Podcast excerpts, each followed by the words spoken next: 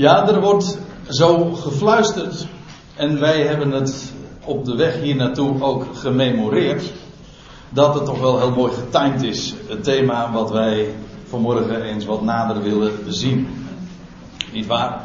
En terwijl we in de auto zaten, toen werd er nog gezegd dat het rond het middaguur het hoogtepunt van de storm zou zijn. Met name dan in deze contraien, het westen van het land. Heen en weer geslingerd. Efeze 4 komen we, komen we die uitdrukking tegen door allerlei wind van leer. Nou, ik heb begrepen dat het vandaag tot eh, windkracht 10 à 11 zou gaan stormen. Dus, maar dat is, ik moet erbij zeggen, geen timing van mij. Mijn zoon die zei, dat zal wel een teken zijn, pa. Laten we daar dan op houden. Ja.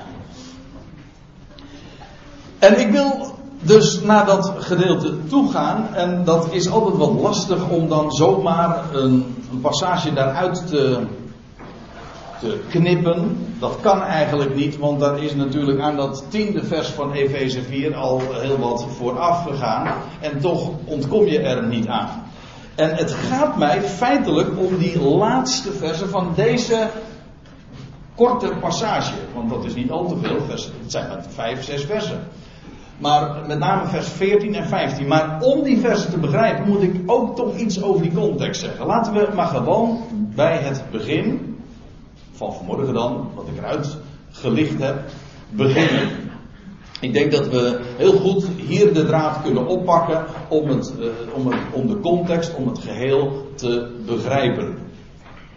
En opnieuw wil ik u weer meenemen, niet alleen met met deze PowerPoint naar de vertaling, zodat u, ziet, zodat u gewoon mee kunt lezen waar we het over hebben. Maar ik wil u ook opnieuw weer, en ik ben blij dat, ik, dat de techniek deze mogelijkheden vandaag allemaal biedt, ook meenemen naar de interlineair. Dat wil zeggen dat, u, dat ik u ook als een gids, niet als iemand die vertelt hoe het zit, maar dat ik gewoon wil laten zien. Want kijk, dat staat er precies, dat staat er letterlijk. Zodat je werkelijk ook daarin je vastheid vindt. Nou, daar zullen we het vanmorgen vanzelf ook nog over hebben. Vers 10, vers van Efeze 4. Hij, en die hij, dat kan niet missen, dat is onze Heer Jezus Christus. Van wie we al eerder deze morgen zeiden, hij is nu ontrokken aan het oog. Dat is eigenlijk het meest karakteristieke, mag ik wel zeggen, van de tijd waarin wij leven. Hij is verborgen.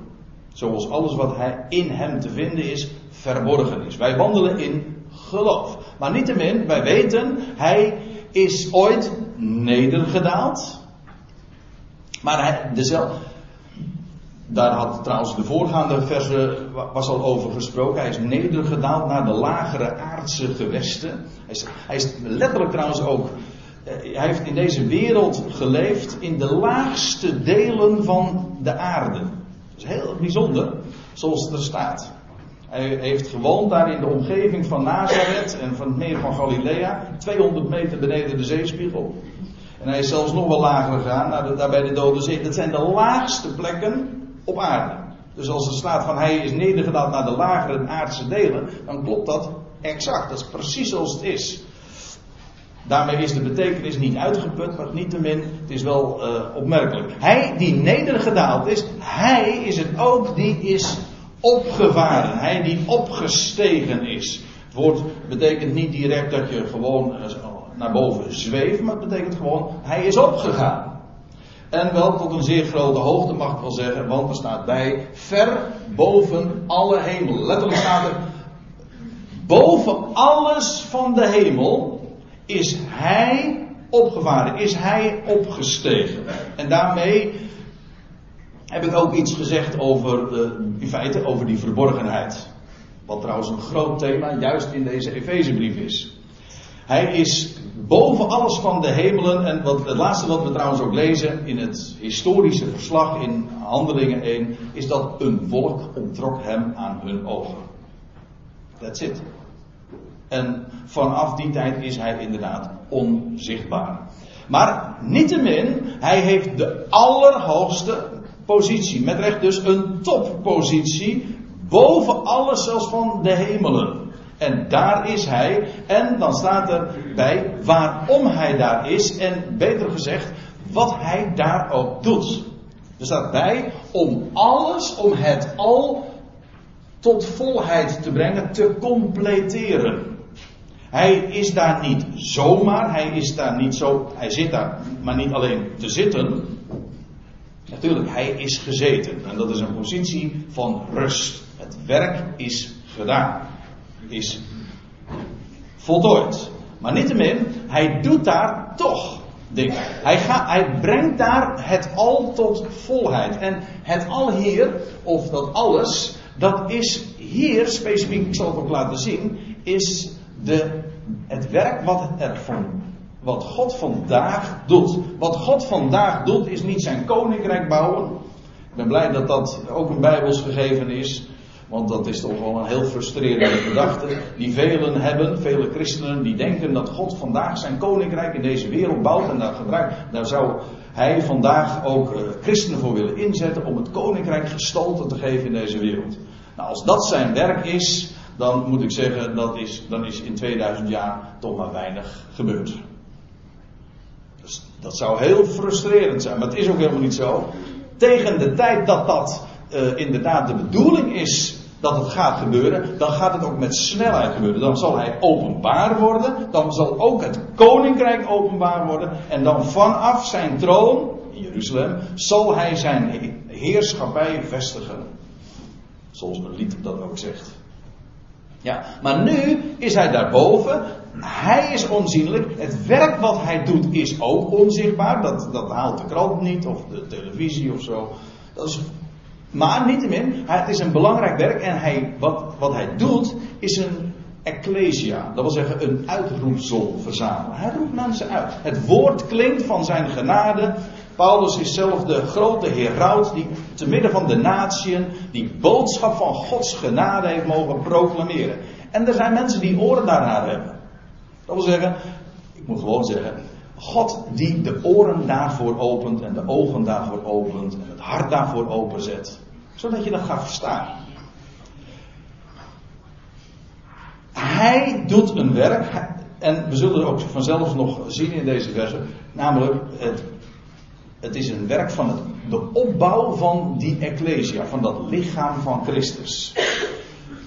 Nou komen we bij vers 11, want ik moet toch enigszins vaart maken om bij vers 15 te arriveren. Vers 11. Daar zegt en hij heeft, hij, hij die dus opgevaard is boven alles wat van de hemelen is, hij heeft zowel apostelen als profeten gegeven. Het is belangrijk trouwens om dat even goed uh, te realiseren. Apostelen, want feitelijk is het hier ook zo. Ze zeggen wel eens, de sleutel hangt bij de deur, maar dat is in, in vers 11 van Efeze 4 ook het geval. Om, om het hele rijtje van Efeze 4 te begrijpen, ook de navolgende gaven, vijf, vijf stuks in totaal. Om die te begrijpen, dan heb je aan die eerste gave die genoemd wordt, heb je eigenlijk al genoeg om het geheel te begrijpen. Apostelen, dat zijn, een apostel dat is eigenlijk gewoon letterlijk een afgevaardigde. Zo wordt het in andere contexten ook vaak uh, ook wel vertaald. Een, iemand die officieel gedelegeerd is, afgevaardigd. Nou, Christus heeft inderdaad mensen geroepen. Hier op aarde al, twaalf stuks. En later, vanuit de hemel, heeft hij nog die laatste, die dertiende geroepen, Paulus, afgevaardigd, officieel, met een missie, met gezag, met autoriteit, om die boodschap wereldwijd bekend te maken. Nou, maar dat geldt, dus ook voor, maar geldt ook voor die profeten.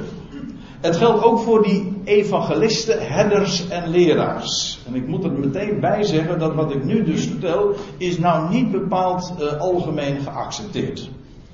De gebruikelijke gedachte daarover is dat deze gaven gegeven zijn tot ooit, om te beginnen in de eerste eeuw, toen daar die apostelen waren, opereerden en, werkzaam waren. Maar die andere functies, evangelisten, herders, die worden nog steeds gegeven. Dat is het gebruikelijke idee. En ik wil u vanmorgen laten zien dat dat niet in dit gedeelte staat. Deze gaven die hier genoemd worden, hebben te maken met de begintijd. Als ik u, als ik wat meer tijd zou hebben gehad, dan zou ik nog eventjes op zijpaadjes kunnen gaan. En ik zou bijvoorbeeld kunnen wijzen op wat een, een aantal hoofdstukken eerder al was geschreven. Dan schrijft Paulus over het fundament dat gelegd is. Het fundament van de apostelen en de profeten. De apostelen en profeten die hebben het fundament gelegd. Dat, was, is een eenmalig gebeuren. Als een, bouwwerk wordt opgetrokken, dan heb je. Nou ja, dat is een heel proces. Maar het fundament, dat is iets wat in aanvang uh, gelegd wordt. Eenmalig. En dan is het gebeurd. En vervolgens wordt er vanuit dat fundament, of op dat fundament, verder gebouwd. Nou, het bouwwerk is nog niet af, maar het fundament is gelegd. En die gaven die hier genoemd worden, apostelen, profeten, evangelisten, herders en lerers, hebben allemaal te maken met die begintijd. Met de kindertijd. En ik noem nu al een paar van die uitdrukkingen. Uh, we, zullen, we zullen ze straks ook vanzelf zien en lezen. Maar ik noem ze, zo, ik noem ze nu al even. Maar straks zullen we daarin ook gewoon bevestigd worden. Het heeft te maken met de begintijd, met de kindertijd, zolang de Ecclesia, de gemeente, het lichaam van Christus, niet, nog niet volwassen was. Ik ga verder. Want die gaven die hij gegeven heeft, apostelen, profeten, evangelisten, herders en leraars, en ik heb misschien nu alleen maar bij u nog uh, maar vragen opgeroepen. Van uh, hoezo? Alleen maar bij, bij de begintijd. Maar laten we even verder gaan. Hou even de draad vast. Die gaven die heeft hij gegeven. Met welk oogmerk? Nou, er staat bij. Om de heilige toe te rusten.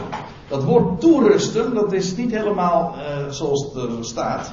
In de, in de Version, zoals het letterlijk staat, dat is adjust. Dat is eigenlijk aanpassen. Toebereiden.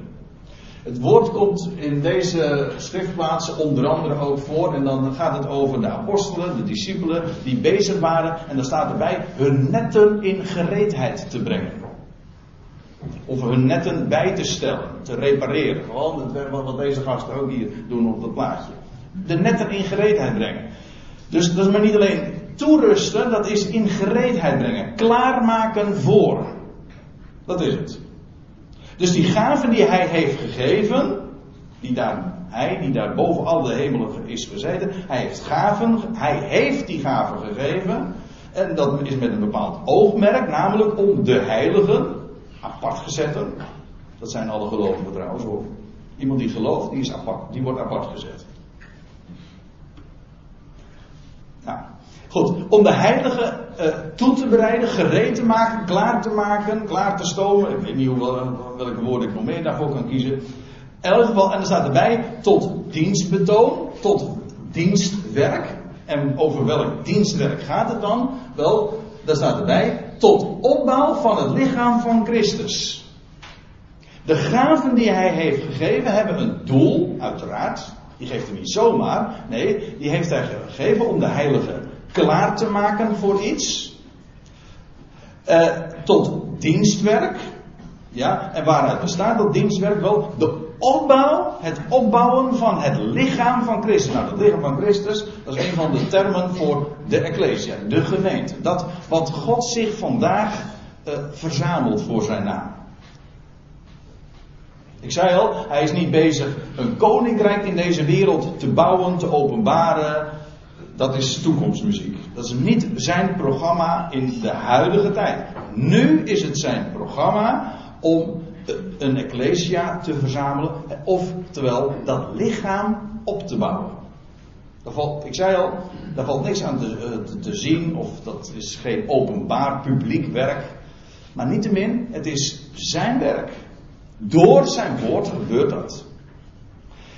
Tot opbouw van het lichaam van Christus. En nou, kom, en, nou komen we bij een belangrijk punt. Waar ik eigenlijk al een paar keer aan heb gerefereerd.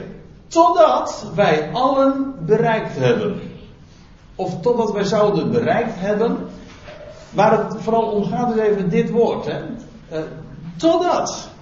Waaruit blijkt dat die gaven maar niet eindeloos doorgegeven worden. Nee, die gaven worden gegeven met een bepaald oogmerk. En als dat eenmaal gebeurd is, als dat oogmerk bereikt is, oftewel als we bereikt hebben, wat daar hebben we het nog over. Maar als we eenmaal dat bereikt hebben, wel, dan zijn de, behoren de gaven tot het verleden. Deze genoemde gaven. Ja, totdat. Goed. Tot, maar totdat wat? Nou, totdat wij bereikt hebben, of totdat wij zouden bereiken, en dan staat erbij de eenheid van het geloof. Dat betekent dus dat toen Paulus deze dingen optekende, was dat nog niet eens bereikt. Natuurlijk, de gelovigen, wij allen, dat was toen in die dagen ook al zo, de gelovigen maakten deel uit van het lichaam van Christus vormde een eenheid in de geest. Een uitdrukking die trouwens in het, eerder in dit hoofdstuk ook al gebezigd was. We hebben de, degene die gelooft, die ontvangt zijn geest, wordt daarmee verzegeld. Die ontvangt zijn woordje, dat, dat, dat is onuitwisbaar. Je wordt ermee verzegeld. Dat is een goddelijk, een goddelijk stempel. Kan niet verbroken worden. Maar die eenheid van het geloof, die was nog niet bereikt. De eenheid van het geloof zou nog bereikt worden. Wat is die eenheid van het geloof? Kijk, dan moet je even eh, je gewoon ook verplaatsen even naar de dagen dat Paulus deze woorden optekende. Toen was het nog zo dat alles wat er aan geloofsoverdracht plaatsvond, het woord wat doorgegeven was, was mondeling voor een groot gedeelte. En voor zover het schriftelijk was, er werd een brief hier geschreven en, en een boek daar.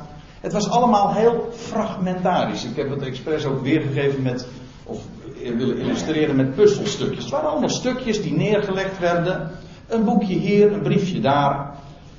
En uh, een mondelinge boodschap hier, een apostel die hier werkzaam was. Maar het was allemaal fragmentarisch, allemaal stukjes.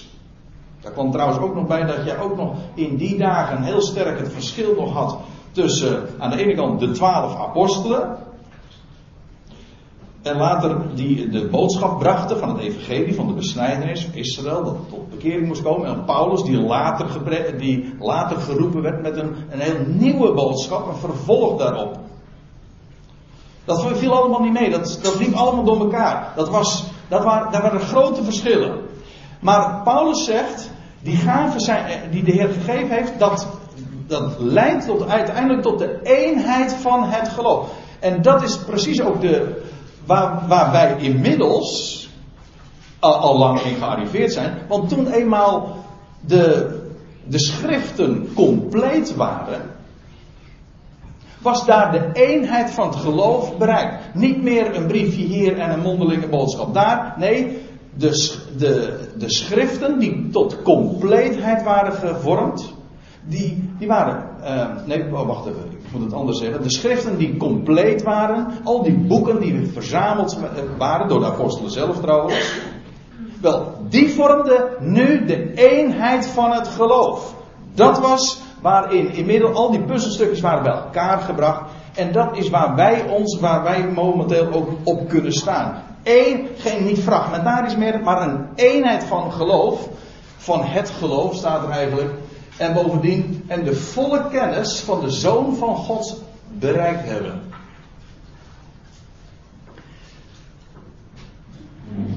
Wat is dat? Nou, even, even inzoomen. Dat, de, die volle kennis. Dat is een beetje een merkwaardig woord. Dat wij eh, niet direct zo in het Nederlands kennen, en toch wel. Uh, dat, het Griekse woord dat is, misschien hebt u daar wel eens van gehoord, epignosis. Betekent letterlijk opkennis, bovenkennis. Betekent dat er gaat, er gaat iets boven kennis uit. Alleen maar iets weten. Bovenkennis, die epignosis, dat is besef. Je kunt iets weten, dat is kennis. Maar er gaat iets bovenuit. Namelijk dat je het ook je realiseert. In de Concordant Version zo wordt het ook weergegeven. Realization. Realisatie. Dat je dingen beseft. Bewust bent. Er zijn talloze dingen die je weet. Maar waar je niet van bewust bent. Maar het gaat hier over besef. Dat is misschien het woord wat het beste weergeeft wat het betekent, die epignosis. Dus volle kennis, Besef. Dat is het. En dan wil ik op nog iets wijzen. En er wordt heel gemakkelijk overheen gelezen en ik heb het zelf altijd gedaan. Maar er wordt gesproken over het besef, de realisatie, niet aangaande de Zoon van God, maar van de Zoon van God. Even over nadenken. Niet dus het kennen, uh, aan, de kennis aangaande de Zoon van God, maar het gaat hier niet, het gaat hier over de kennis van de Zoon van God zelf. Dus het, wij bereiken, de, e- Paulus spreekt dus, de Heer heeft gaven gegeven, laat ik het, het, totaalplaatje nog even uh, tonen. Hij heeft gaven gegeven. Waarom? Wel dat we zouden komen, zouden bereiken de eenheid van geloof, die tot die tijd er nog niet was. Het was al fragmentarisch, maar dat er eenheid zou komen. En bovendien het besef, zouden komen tot het besef van de Zoon van God. Wat betekent dat? Nou, dat de Zoon van God zich van dingen bewust is. En het machtige is, die Zoon van God heeft dat ook inderdaad kenbaar gemaakt. Hij heeft zijn woord gegeven. Dat wat hij weet en waar hij zich van bewust is, wat hij zich realiseert, wel dat heeft hij, dat woord, heeft hij bekendgemaakt. En Paulus was zelf een van de, de, de spreekbuizen daarvan.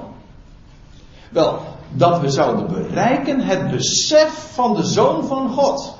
Dat wat Hij zich bewust is, dat wij daartoe komen. Ziet u het verschil? Dus niet alleen maar het kennen, eh, de kennis aangaande de Zoon van God, maar dat, we, dat wij bereiken dat wat Hij zich realiseert, wat hij, waar Hij zich van bewust is. En waar, waar vinden we die? Waar vinden we die, die volle kennis? Waar vinden we dat, dat besef van Hem? Dat is niet zo moeilijk. Gewoon nergens anders dan in het woord. Als u een alternatief hebt, dan hoor ik het graag van u. Hij heeft het bekendgemaakt. Hoe, hoe zouden we weten wat hij, zich, wat hij zich realiseert, wat hij beseft? Wat hij zich bewust ervan is. Anders dan doordat hij het kenbaar gemaakt heeft, doordat hij het heeft laten weten. Dat heeft hij laten weten. Sterker, daar zijn juist die gaven voor gegeven. Hij gaf die gaven om zijn woord door te geven. Wel, dat woord is inmiddels compleet en nu is het niet meer fragmentarisch. Het geheel is zwart op wit, gebundeld. We hebben het gewoon tot onze beschikking. Eenheid van geloof. Ook, eh, dus hebben bereikt het besef van de Zoon van God. En dan komt er nog iets bij. De mannelijke rijbaard. Letterlijk staat er trouwens de, de volwassen man. Dus volwassenheid. De, de Ecclesia zou komen tot volwassenheid. Niet, uiteraard niet kinderlijk blijven, maar rijp worden. Volwassen worden. Een volwassen man. De gemeente is er, wordt niet voorgesteld als een vrouw, als een bruid, nee, als een man. Maar dat even terzijde. Volwassen. Is een belangrijk begrip, want daar komen we vanzelf nog meer op. En dan komt er nog, dat is een hele mond vol hoor. De maat, zegt Paulus, de maat van de wasdom van de volheid van Christus. Dat is een hele ingewikkelde hoor. En toch valt wel mee. Want feitelijk is dit de maat van de wasdom, dat is de wasdom, de groei. Nou, die, die bereikt een maat. Hè? Een, een, een, die bereikt op een gegeven ogenblik het, haar ultieme punt, maar dat is precies wat rijpheid is. Volwassenheid. En dat is de volheid van Christus. Herinnert u zich nog dat we begonnen met vers 10 waar staat dat hij opgevaren is, opsteeg, ver boven alles van de hemel. En dan staat er om alles tot volheid te brengen, te completeren. Wel, dat is die volwassenheid. In de dagen van de apostelen, in die eerste generatie, is dat bereikt. Christus heeft gaven gegeven die zijn woord hebben doorgegeven en het ook op schrift hebben gesteld. En toen dat eenmaal compleet was, was dat woord was gegeven, toen bereikte de Ecclesia een stadium van volwassenheid, van volgroeidheid.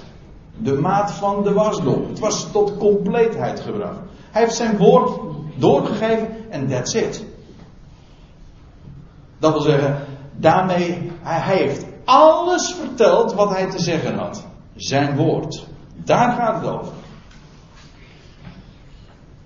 Dus als ik het nou eventjes in, uh, even schematisch mag, vast, eh, mag samenvatten wat we tot dusver hebben gezien. Hij heeft gegeven, en dan wordt er gesproken over apostelen, profeten, evangelisten, hè, dus leraars. En dan staat erbij, die geef, heeft hij gegeven totdat, totdat hun werk compleet was. Dat wil zeggen in de schriften. De schriften zijn compleet. 70 boeken.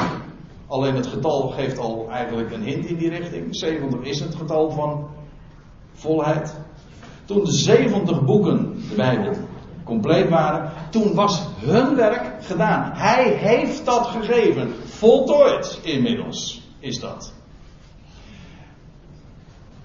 En dan hebben we, en totdat wij, hij heeft deze gegeven, totdat wij allen bereiken, en dan is het de eenheid van het geloof, het besef van de Zoon van God, dat wat hij zich bewust is en wat hij kenbaar heeft gemaakt. Want hoe, hoe zouden we anders weten wat, waar hij zich van bewust is?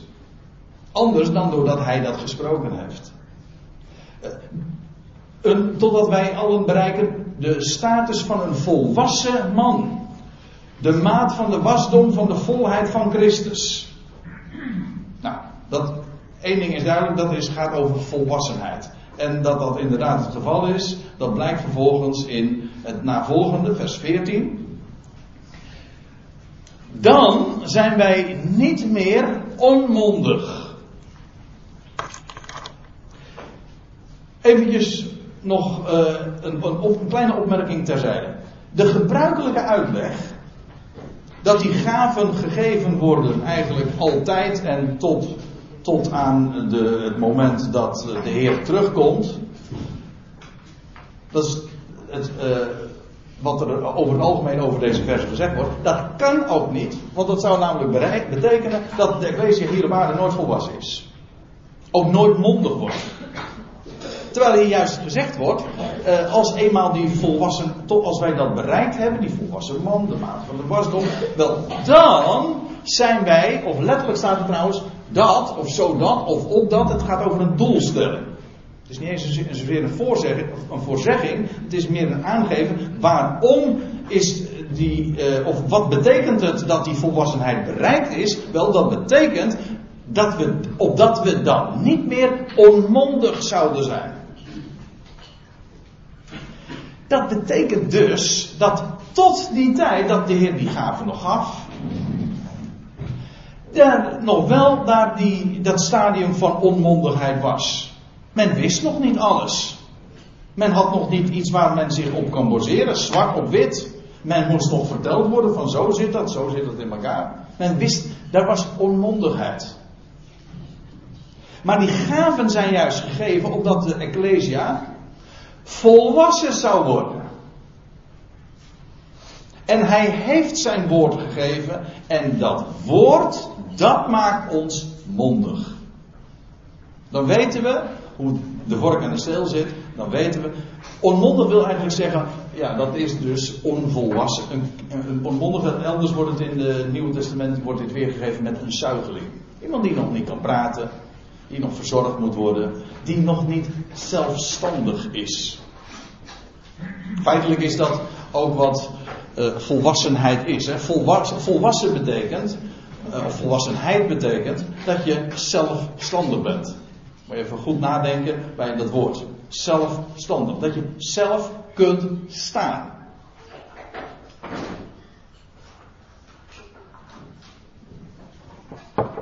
Eh, daar is alles dus in dat werk wat de Heer uh, deed. Dat wil zeggen in het geven van die gaven. Was allemaal gericht op de, opdat de gemeente, de Ecclesia, een stadium zou bereiken van volwassenheid. Dat de gelovigen individueel niet meer onmondig zouden zijn, niet meer onder een gezag van. Zoals dat zo uh, dikwijls ook gepredikt wordt. En in die zin denk ik, het ligt ook helemaal in de lijn van, ja, ja, van de dwaling.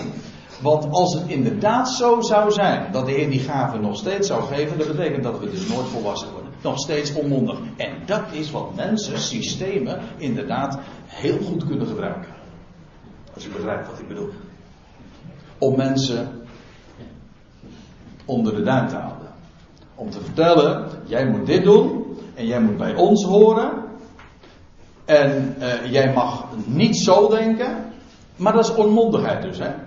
Dat, dat wordt jou verteld wat je moet doen, wat je moet denken, wat je moet zeggen. Nou, dat is precies wat een, wat je, wat een klein kind nog doet. Een zuigeling, daar, daar kun je zulke dingen nog allemaal. Uh, daar kun je ook niet meer van verwachten. Er is trouwens niks mis met die fase, maar het is niet de bedoeling dat je daarin blijft hangen.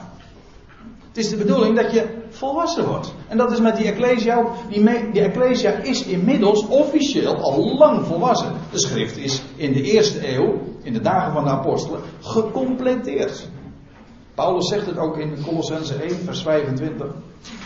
Een vers wat je zou, uh, moeten onthouden, want het is belangrijk gegeven. Hij zegt dat, uh, dat hij het woord van God voleindig, gecompleteerd heeft. Hetzelfde woord als wat we al een paar keer zijn tegengekomen. Afgemaakt, afgerond heeft. Hij, sterker nog, heeft het, maar daar hebben we het wel eens bij een andere gelegenheid over gehad. Hij heeft ook aan het eind van zijn leven al die boeken, al die geschriften bij elkaar gebracht. Als een testament, een nieuw testament, overgegeven aan zijn medewerker Timotheus. Opdat we niet meer onmondig zouden zijn. Ik zei al, groepen, organisaties, systemen zijn juist eh, afhankelijk van onmondige mensen. Die moeten het daarvan hebben. Maar het geweldige van de, van de nu is, het grote voordeel dat gelovigen mondig zijn. Niet tegen elkaar aanleunen, van ja, waarom denk jij zo? Waarom doe je zo? Ja, omdat dat zo gezegd is, omdat dat bij ons in de kerk zo geleerd wordt. Of, uh, zo zijn onze manieren. Dan ben je nog steeds onmondig. Dan leun je tegen anderen aan. Wat trouwens een heel uh, tricky gebeuren is, als u mij vraagt. Want als nou de een tegen de ander aanleunt en de ander tegen de een. Waar, waar, waar is dat dan op gebaseerd? Dan hoe, weet, weet wat, je, wat je dan ziet, is dit. Je hoeft er maar eentje uit te halen. En het hele zootje. Ja, nou, ik wou een ander woord gebruiken. Uh, ja, hoe zeg je dat nou eens netjes? Dat zakt in elkaar. En, dan, en, dan, en dat geeft aan, dan hoeft er maar dit te gebeuren. En dan krijg je zo'n domino-steen effect. Hè? Dat je, de een wordt er weggehaald en dan gaat het hele zaakje plat. En dat betekent, men staat niet want als je staat in het geloof, dan zou het geen invloed hebben als een ander zeg maar omgaat. Om welke reden dan ook, dat doet nu even niet de zaak. Als een ander omgaat. Maar jij staat. Dan kan dat verdrietig zijn, maar je blijft gewoon staan. Want jij, je, je leunt niet tegen die ander aan. Kijk, het is geweldig hoor. Laat ik me goed uitdrukken. En laat ik ook niet een verkeerde indruk wekken. Ik vind, het is buitengewoon belangrijk om elkaar te treffen en elkaar ook om uh, een ecclesia te vormen. Sa gemeenschap te hebben. Elkaar op te zoeken, elkaar op te bouwen, elkaar aan te vuren. Dat is een enorm kostbaar goed. Maar niet in een systeem waarbij je onmondig gemaakt wordt. Dan ben je, nog, dan ben je inderdaad uh, nog steeds in, de, in die kinderlijke fase. En dat is niet de bedoeling. Het, het, is een groot voorrecht om mondig te zijn. Daarmee ook vrijheid te kennen. Niet meer verteld te worden van zo moet jij denken. Maar we zelf weten van kijk, er staat geschreven.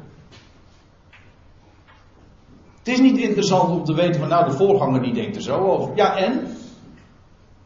En dat is nou precies ook de grote ellende, want dan, want dan krijg je het verhaal van, ja, ik weet het niet, want ja, die voorganger zegt dit, en die voorganger zegt dat, en die voorganger zegt nog weer wat anders, en, en dan kun je het heel complex maken. Nou, op het moment dat je zo denkt, dan betekent dus dat je nog steeds leunt, onmondig bent. Of dat je weet, ik weet dat het zo is, en of hij of zij daar zo over denkt, dat maakt me niet uit, dat is verdrietig genoeg, of ik ben blij dat die dan er ook zo over denkt.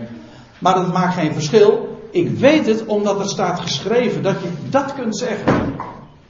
Dan heb je een fundament, een rots onder je voeten. Dat is zo belangrijk. Dan word je inderdaad niet heen en weer geslingerd. Nou, laten we meteen maar verder gaan.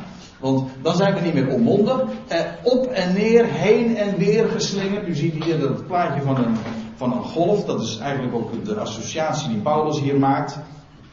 We worden niet meer heen en weer gedragen. Je moet je voorstellen dat je dus ook van die golven hebt die aangezwengeld worden door de, door de wind. En dan word je gewoon gedragen. Er is niks aan te doen uh, door, door die golven. En dan word je heen en weer. Zoals geslingerd. En, zo, en zo zijn er velen. Ik bedoel niet alleen in de wereld. Nee, maar ook gelovigen. Die nog steeds zich niet bewust zijn dat de Ecclesia volwassen is. En daarom nog steeds onmondig zijn in de praktijk. En daardoor ook heen en weer geslingerd worden. Door wat er, door groepsprocessen. Of door wat iemand, een leider zegt. Iemand die charisma, trouwens het thema van de volgende van de studiedag dat gaat daarover. Over dat woord charismatisch. Charisma en nou ja, alles wat daarmee verband houdt. Ik zal er straks nog even iets over zeggen. Maar goed, eh, op en neer, heen en weer geslingerd wordt. Het is een heel zielig proces. Want je hebt dus nooit stabiliteit dan.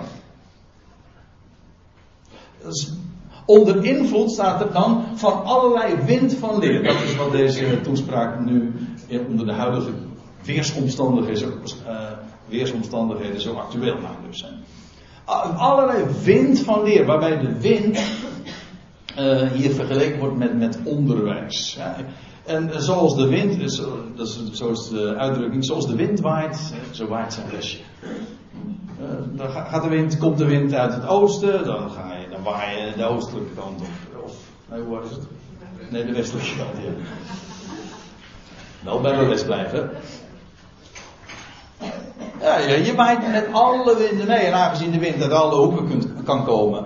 Je waait gewoon mee. Je hebt geen, je hebt geen vastheid. Niet, je weet niet waar het op aankomt. Je weet niet wat er staat geschreven. Dat is zo belangrijk om solide te staan in het leven. En ik weet één ding zeker. We leven nu in een tijd, dat heet dan informatietijdperk. Tussen twee haakjes ook een desinformatietijdperk. Dat wil zeggen, er wordt zoveel informatie op je afgestuurd. dat je echt helemaal niet meer weet waar je het zoeken moet. Dus het is geweldig wat ons allemaal ter beschikking komt, maar alles. Maar het, uh, het maakt het er allemaal niet makkelijker. Maar goed, uh, allerlei wind van leer. En ik vind het woord wind in dit verband ook wel uh, bijzonder, want wind is een beeld van geest. Dat zou je eens aan Nicodemus moeten vragen. Die dat, dat de Heer Jezus zei dat ook in dat nachtelijke gesprek met hem zo. Het is eigenlijk nog sterker, want als je, wij praten dan Nederlands. Maar als je het in het Hebreeuws of in het Grieks zegt, het woord wind. In het Hebreeuws is dat ruach. Maar ruach is ook hetzelfde woord voor geest. In het Grieks is het pneuma, maar pneuma is wind, maar het is ook geest. Dat wat geblazen wordt.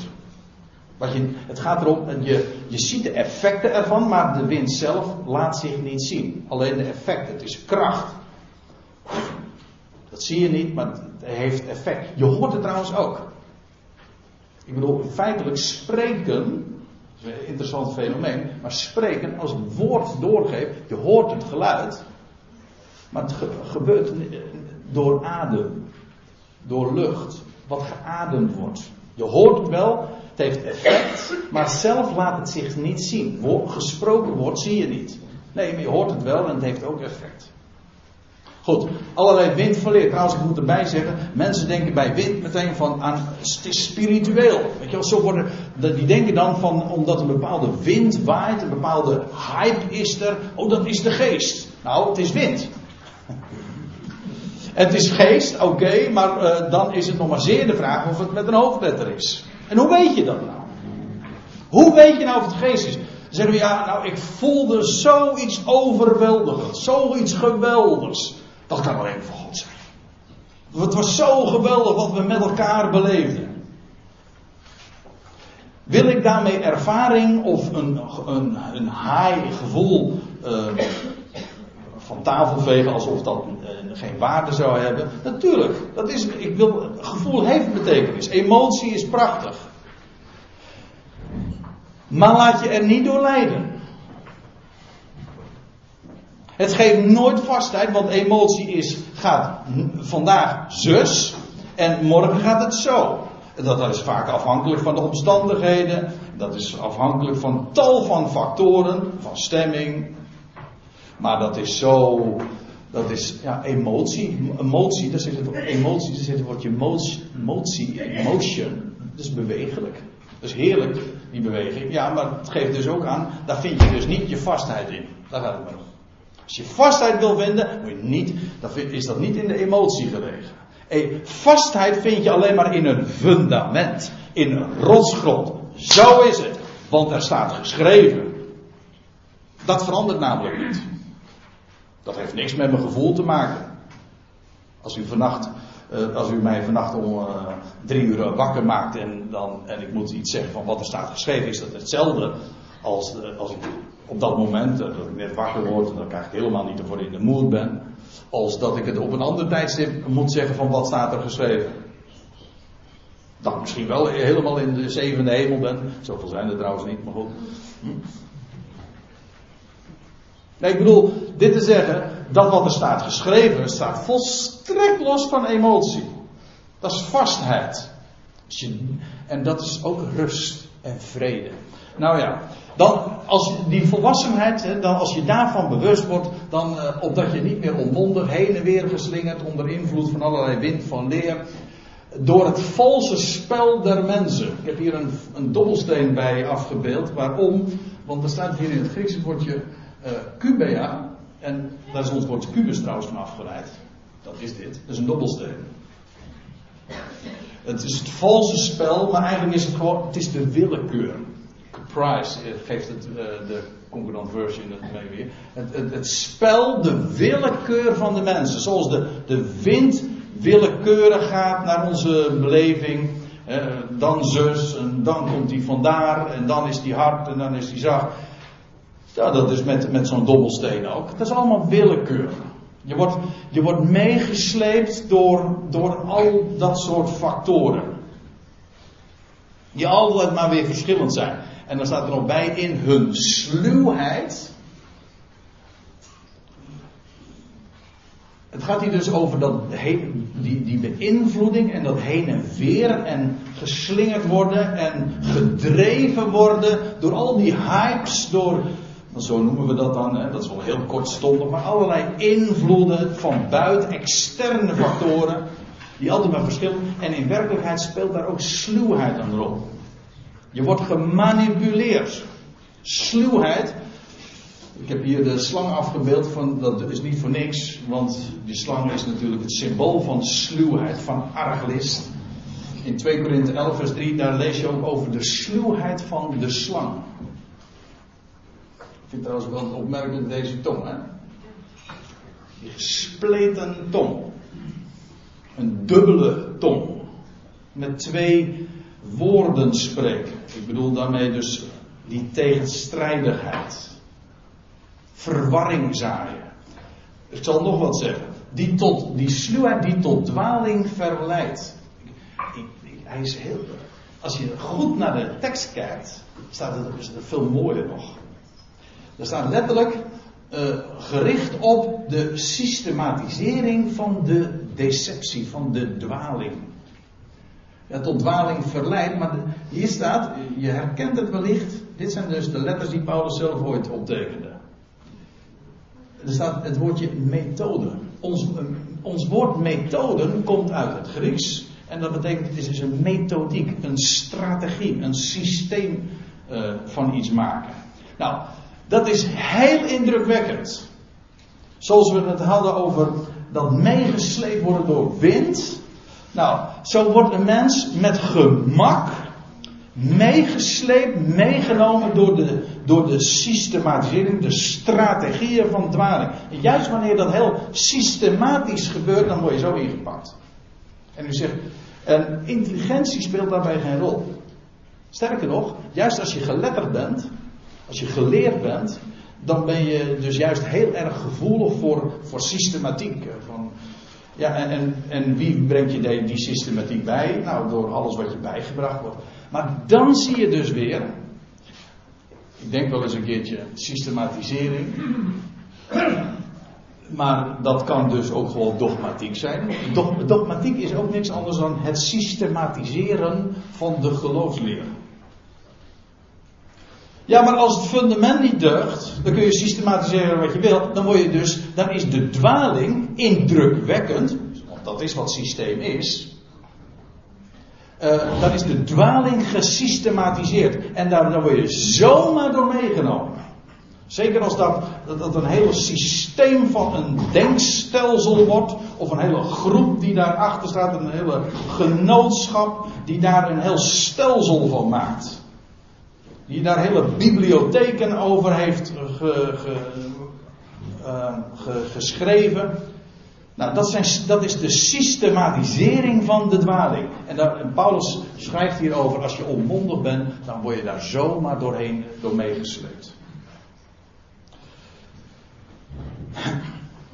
En nou komen we het laatste vers.